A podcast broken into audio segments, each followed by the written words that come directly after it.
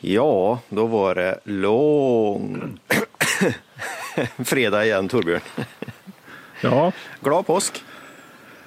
tack detsamma. Ja, Påsk, det, det är ju lite, det är lite som trakthyggesbruket. Är det inte det? Först är det död och sen är det uppståndelse. ja det är väl kanske lite så. Man gör någon Det- jämförelse. Alla, alla andra jämförelser undantagna. Ja, nej men eh, vi står här på olika ställen idag men med samma strålande väder. Det var fruktansvärt skönt i solen nu. Ja, det känns som den första vårdagen på något sätt efter denna eh, mars, kalla marsmånad och det snöade så rikligt så sent som igår där nere i Ja. Götaland. Ja, men definitivt. Nej, men det är eh, jätteskönt. Men i alla fall, det är Ja. avsnitt 160 av vår podd Skogsfredag och det är alltså långfredag den 7 april 2023.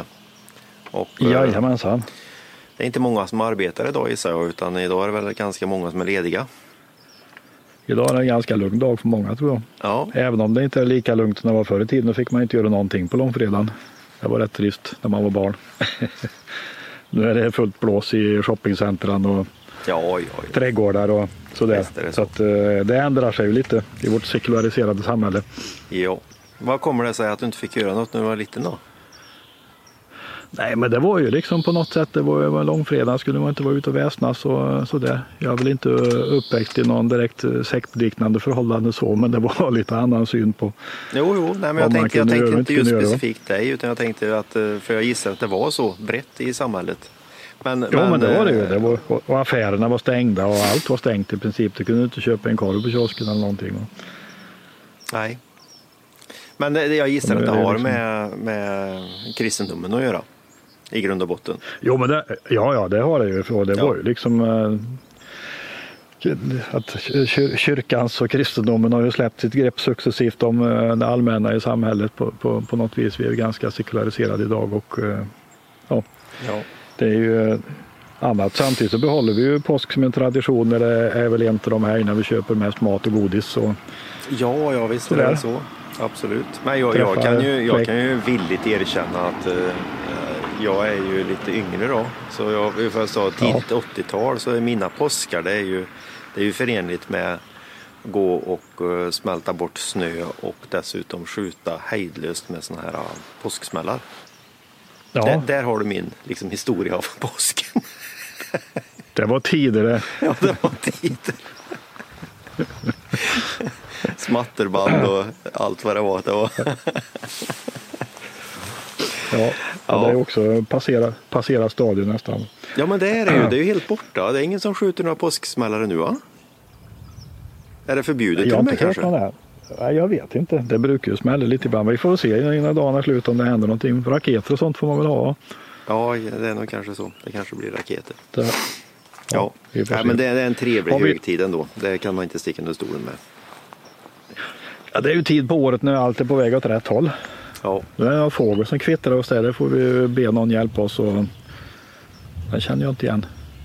ja jag har någon längre bort som kör med en eh, borrhammare här också så jag gissar att den går in och förstör Okej. lite. En stor hackspett. Ja, en stor rakspett. Ja, nej men vad ska vi, idag då tänkte vi väl, eh, det får väl bli ett litet påskavsnitt där vi blandar och ger lite, men vi skulle prata lite LSO och lite sånt där idag p- pratade vi på innan va? Ja, det var ju eh, en medlem, Humlas, som startade en intressant tråd. Så han ställde frågan om Stora är på väg att sluta gallra. Mm. Och eh, det var lite kryptiskt då, men när man läste igenom det så tog han en referens till ett område som var gallrat ganska nyligen. Eh, Ett tallbestånd som de avverkar i typ 60-år 60-årsåldern eller något då. Mm. Och då la- du in en länk till eh, en artikel som, som Per Lindvall skrev för ett år sedan, två år sedan kanske var, 2021.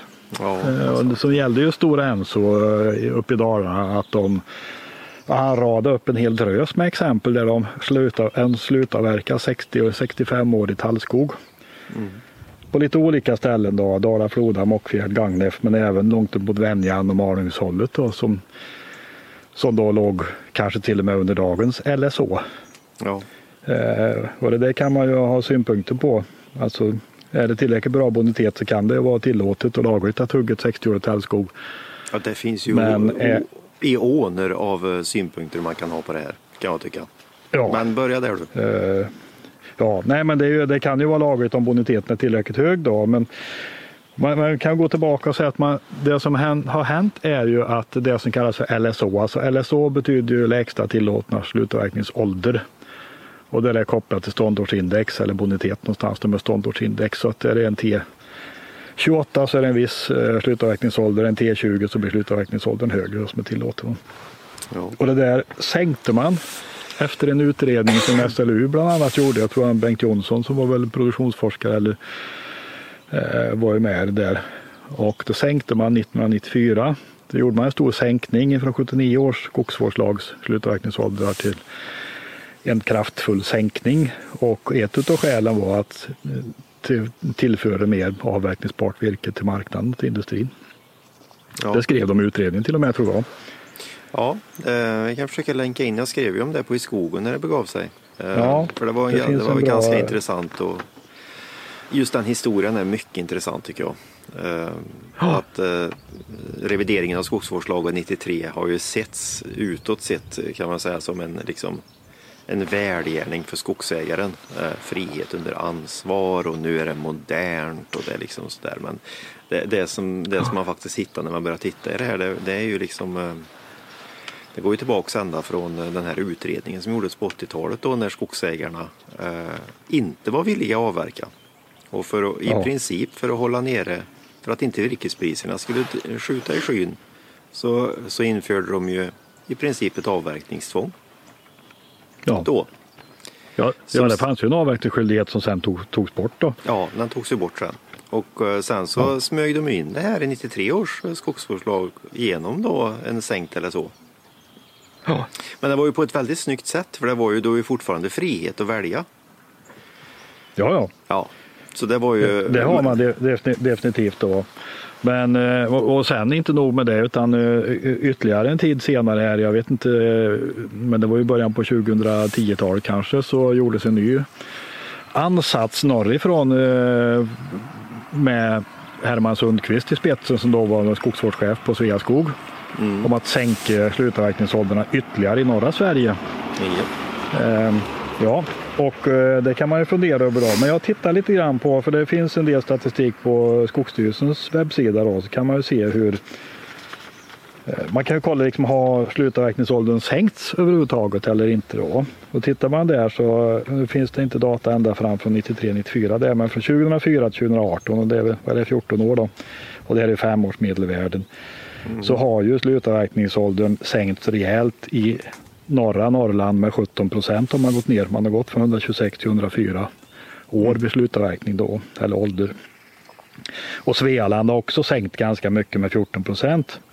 Däremot om man tittar på Götaland då som hade 87 års slutavverkningsålder 2004 så har de gått ner till 83. Det är bara en sänkning på 5 procent. Och då har man ändå haft eh, både Gudrun och omfattande barkborreangrepp här då.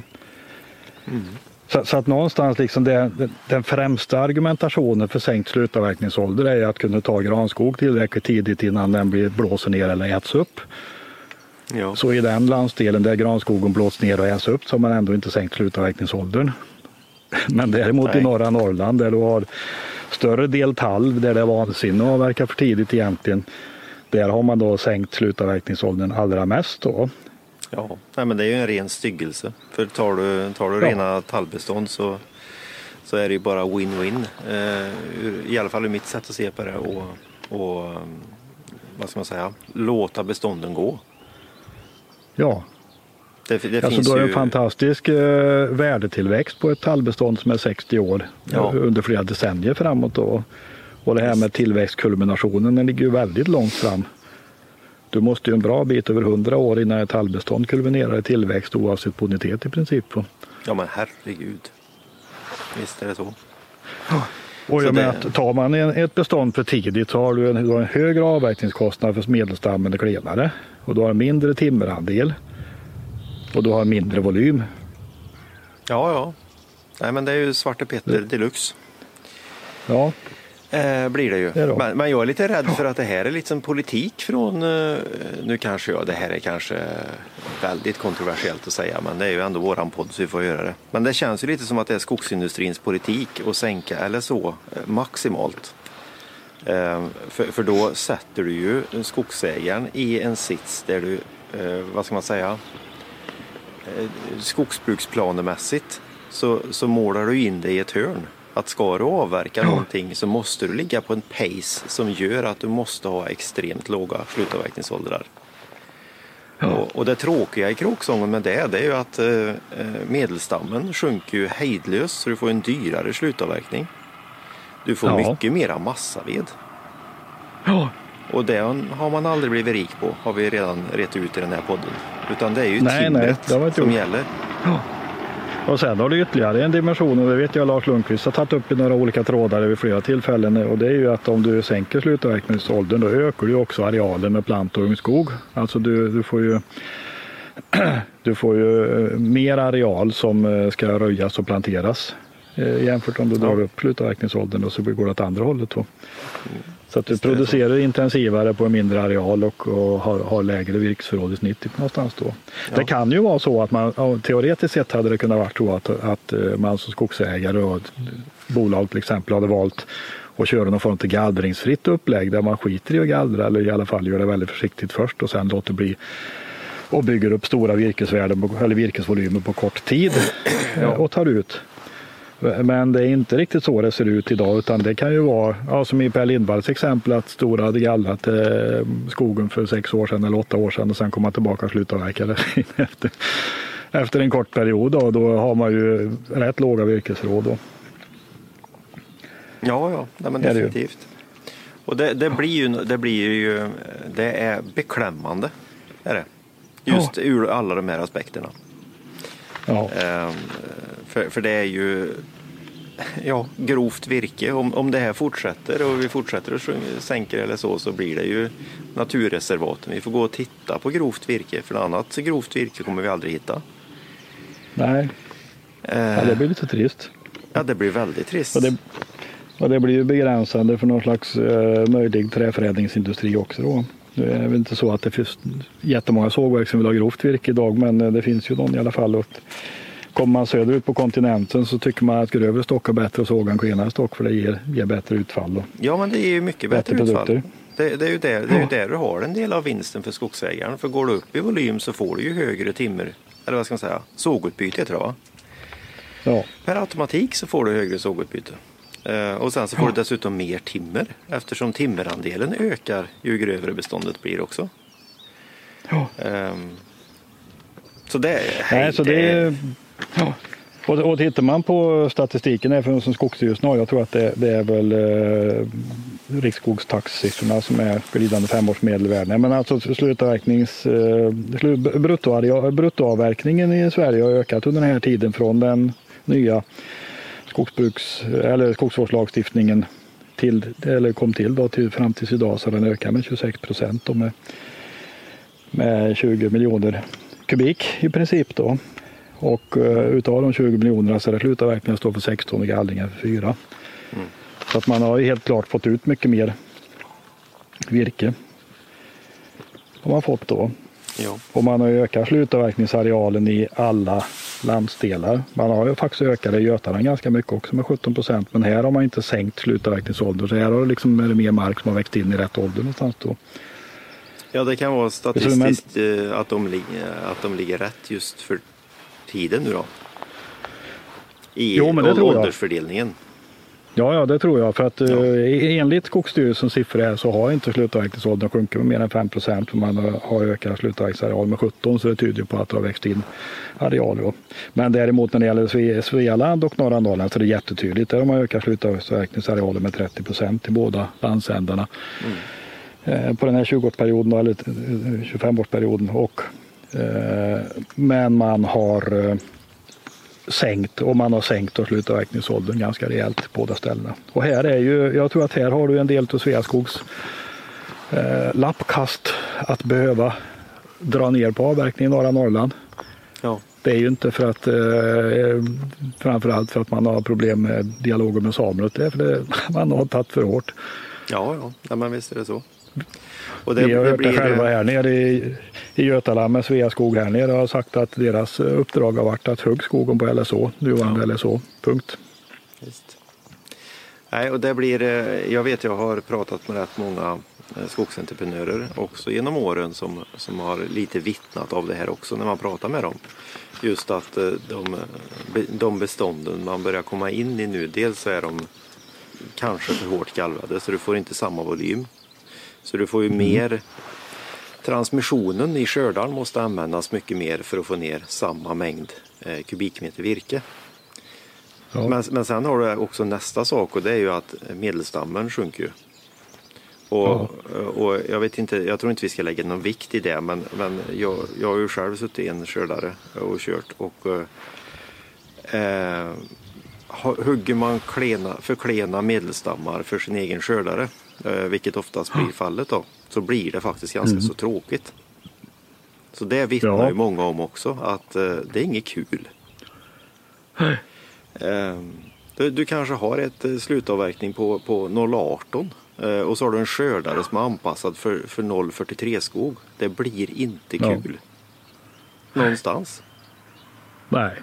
När jag kommer upp till norra Norrland så har du ju medelstammar i slutavverkning. Som är, var det inte Björn Ferry som hade dragit ut några skördarnoter från någon som hade kört slutavverkning på Sveaskog där det var liksom gallrings, gallringsvirke i princip. Ja, ja visst. Nej men det, det, ja, det blir ju paradoxalt, det blir jättekonstigt. Men det är ju liksom som att hade det inte varit för snön så hade ju alla kunnat ja, sluta avverka med Vimek-skördare. Ja. Ja, det är lite paradoxalt. Nej, ja. men det här är ju, alltså jag ser det ju som Ebberöds bank. Alltså du får ju ekonomer och siffernnissar som använder nuvärdeskalkyler och där har du problemet, nästa problem då att nu stiger räntan och då har man högre ränta i nuvärdeskalkylen då får man hugga ännu tidigare. Då skulle man ha huggit det i förrgår. Ja, gå in i röjningen nu. ja. Och, och, och, liksom, eh, och då hävdar man att ja, men eh, ur ekonomiskt perspektiv är det här det bästa. Men det är ju också lite grann, är det bäst nu eller bäst totalt över en omloppstid eller är det bäst liksom? Ja. För vem är det bäst och hur länge? Nej, men... För det är ju lite som att äta två kakor och bara en kvar. Ja, ja. Nej, men man måste ju vara eh, jätteödmjuk för den frågan. För jag menar ett kassaflöde är ju viktigt för, för eh, vi säger att du, du inte har ärvt skog utan att du köper skog och lånar dessutom pengar för det. Det är, ja, det är klart, att då är det ju jätteviktigt med, med kassaflöde. Mm. Men det är ju därför också som vi har varit på eh, ett par år här nu och pratat om de här andra intäkterna som till exempel då överhålla ett bestånd eh, från 60 till 80 år och kunna få betalt ja. i det. Överhålla inom citationstecken skulle jag säga. Ja, verkligen citationstecken. Men jag tror alla förstår som lyssnar. Ja. Eh, och kunna få intäkter på detta som eventuellt skulle kunna täcka lånekostnaden. Ja. Så att man inte hamnar i det här, för det blir ju ett brutalt ekorrhjul och man måste ligga på nästan ha tidtagarur och se liksom när blir beståndet där blir det 60, nu måste vi hugga och sen så direkt till banken med pengarna. ja, det blir som i Brasilien när du har avverkningsåldrar med en decimal. Ja, precis. 6,7 år tar vi det. Ja, jo, jo visst.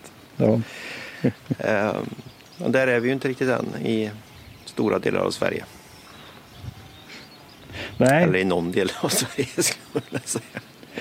Men, men sen har vi ju, det, det, finns ju någon paradox i det här också. För tittar vi, vi pratade om det lite innan här. Du tog upp det här med som ska ska 22-utredningen, alltså KOJA konsekvensanalysutredningen som visar på att vi, vi avverkar max redan i Götaland och Svealand i stort sett. Och ja. finns det något mer att ta så är det norröver mm. som det finns en, en möjlig potential. Ehm, och då kan man tänka hur hänger det ihop då, om man nu liksom har ökat hyggesarealen och ökat eller sänkt slutavverkningsåldern kan man då gå ännu längre då. Men här är ju, när man tittar på de här siffrorna så är det ju framförallt massaved och mycket björk och det är kanske mer gallringsvirke som finns där i de här områdena. Idag i potential då, för att slutavverkningsmässigt är det nog ganska klent. Ja. Eh, så Men det är, nog skillnad också på, på bolagsmarker oavsett om det är privata bolag eller Sveaskog så är det ju många som är drivna hårdare än vad det enskilda skogsägandet är. Då. Ja. Det, eh, det är nog jättestor skillnad, skulle jag tro. Men eh, det, det, är ganska intressant och jag tycker att det stora, det stora man ska ta med sig i det här och, som man bör vara lite orolig över det är ju att eh, i alla fall tänka tanken runt det här med vad händer om jag eh, på min skogsfastighet avverkar slutavverkningar för tidigt. Just gör den riskanalysen och ser vad som händer. För det, det som är en stor risk det är att man målar in sig i ett hörn. Det blir som en... Eh, man kommer in i ett ekorrhjul är jag rädd för. Utan, ja. Man tappar valmöjligheter. Ja, och jag tror att man måste se att det är väldigt stor skillnad på olika typer av skog. För klart, har du en granskog på väldigt bördig mark, eh, då kan du producera väldigt mycket virke på kort tid. Ja. Och då kanske det är vettigt att ta det rätt tidigt om du har varit försiktig med gallringarna och fått eh, våldsamt eh, virkesförråd på 60 år till exempel då, så eh, då kan det vara mycket väl vara vettigt. Men har du en tallskog som är 60 år oavsett om det är en T28 men kanske sämre ändå då, så, så det är totalt vansinne att ge sig in och sluta avverka sån skog för tidigt ur ett, ur ett liksom optimering, ekonomisk optimeringsperspektiv och produktionsoptimeringsperspektiv. Ja, ja, ja men visst är det så. Um... Och, och, det är ju lite grann samma det här med att gallra för hårt för att ta ut för mycket, ta ut över gallringsmallarna i, i gallringen och, och komma ner på tappa tillväxt. Och det, det är lite grann samma Ebberöds ser ja, ja, visst. Lite två så... sidor av samma mynt. Ja, ja, visst är det så. Och, men jag tycker att det blir, det, det är lätt att, att, att, att börja uh, bli Eh, lite konspiratoriskt lagd i det här men jag, jag, skulle åter vilja knyta till att det finns en stor risk att, att eh, det här har att göra med att vår massaindustri är så pass stark i Sverige. För stänker du slutavverkningsåldrar så är det mumma för en massaindustri för den får väldigt mycket mer eh, ren massaved. Ja. Eh, det kommer dessutom ut ur gallringarna eh, med det här systemet som skogsbrukssystemet som vi har idag. Eh, jag höll faktiskt på med en annan grej. Det, det, var, lite kuriosa men eh, det är ganska intressant att se. Det är ju Tittar man hur mycket massaved alltså som kommer ur, Sverige, ur Sveriges skogar varje år. Ja. och det här blir kuriosa på hög nivå men det kan ändå vara lite rolig statistik. Titta om man ja. omvandlar det till om varenda villa i Sverige, alltså två miljoner villor skulle elda med ved. Motsvarande ja. massaved som kommer ur skogen skulle ge 40 löskubikmeter till varje villa i Sverige. Okej. Okay. det är rätt det är mycket. Gott, gott och väl. Det är nästan två årsransoner som man behöver. Ja, Eller vad sa du, löskubikmeter? Ja, Lös, ja skärpt mått. Ja, eh, okay. och det är ganska intressant kan jag tycka. Ja. Hur många villor finns det i Sverige då? Två miljoner ungefär. Två blådrill, okej. Okay. Ja. ja, det är ju ett mått. Ja, men det är ett mått. Och då, då beakta detta nu också Torbjörn. Att av, eh, just för att jag ville ha en sortimentsdelning med den grejen jag håller på så är ju inte sågverksflisen med heller. Nej, och då är det så att en tredjedel av stocken som går in till sågverket blir massaflis och skeppas vidare till massabruket sen då. Ungefär. Eh, ja, fast nu tog du i underkant va? Ja, jag vet inte. 30, så, så, Sågutbytet på 47 procent. Ja. Och så har du 10 procent spån och 30, eh, 40, ja det kanske är lite mer. Det kanske är bort mot 40 procent som blir massa. Ja, jag skulle tro det. Det beror på. En, en del, eh, en del kapas ju bort när det är torkat och då går det till bränslesektorn. Så det är kanske 15 som går till bränslesektorn och ja. 35 som går till 35 plus som är massa flis. Yes. Men det är mycket. Det, ja, Nej, men det är ju det, är ju, det jag pratade om det förut och det skulle man kanske kunna rita upp lite tydligare de sambanden. Men det är ju tveklöst så att i det svenska skogsbruket så är det massabolagen som styr och ställer. Och de är ju fem stycken inklusive Södra då. Är de SCA, Stora Enso, Holmen, Södra och Billerud.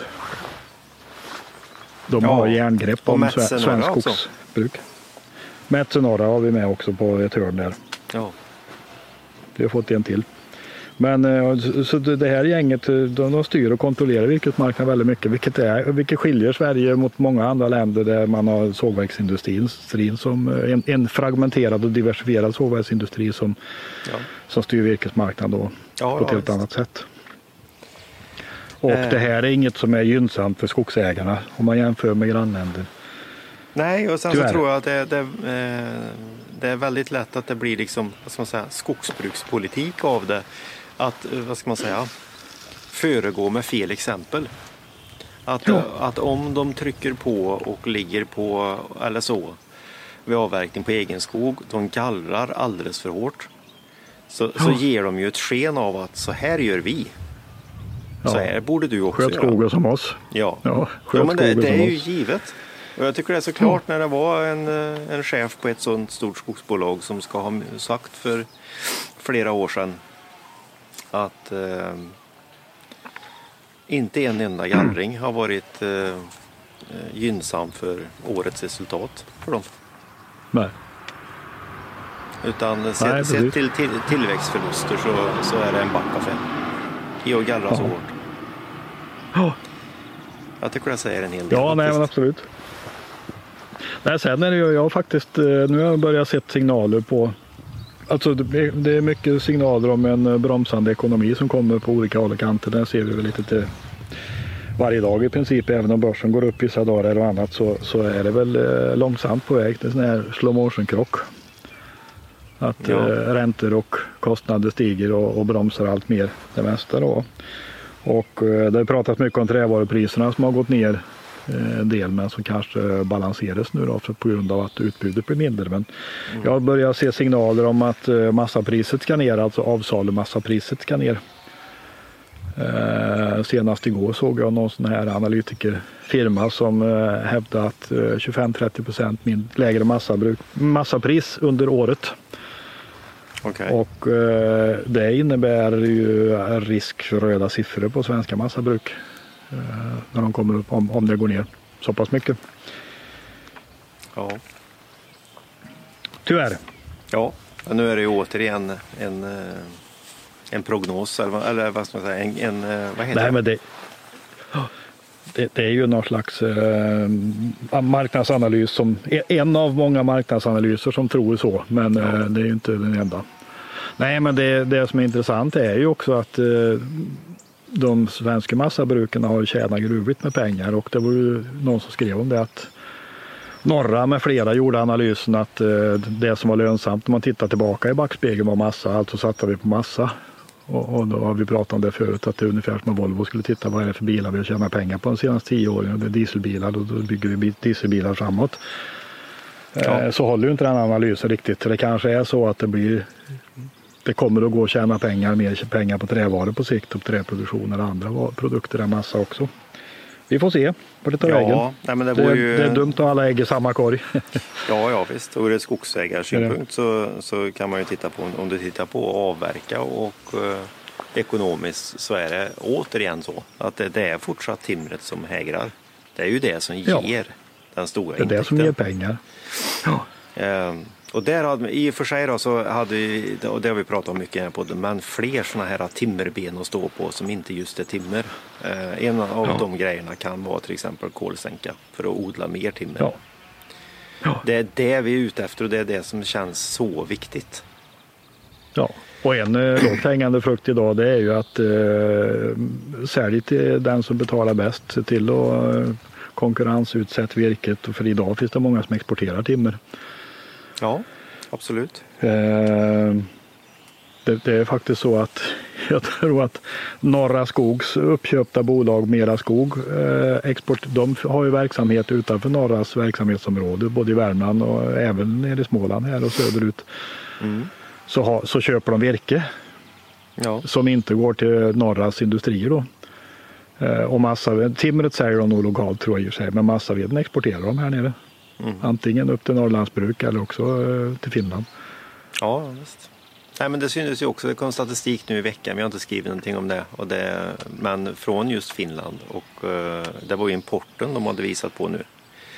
Och jag Ja. drog ut en linje på det och tittade över år hur importen har varit från Sverige. Alltså svenska stockar till Finland.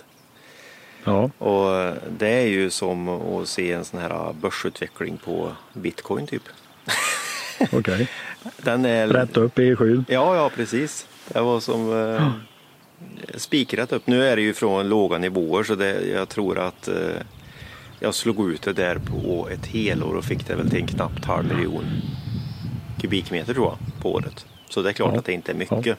Men eh, från att ha varit eh, Fredrik, jag tittar på klockan här så vi får säga tack och adjö för eh, Ja, den här podden. Önska en god påsk. påsk. Ja,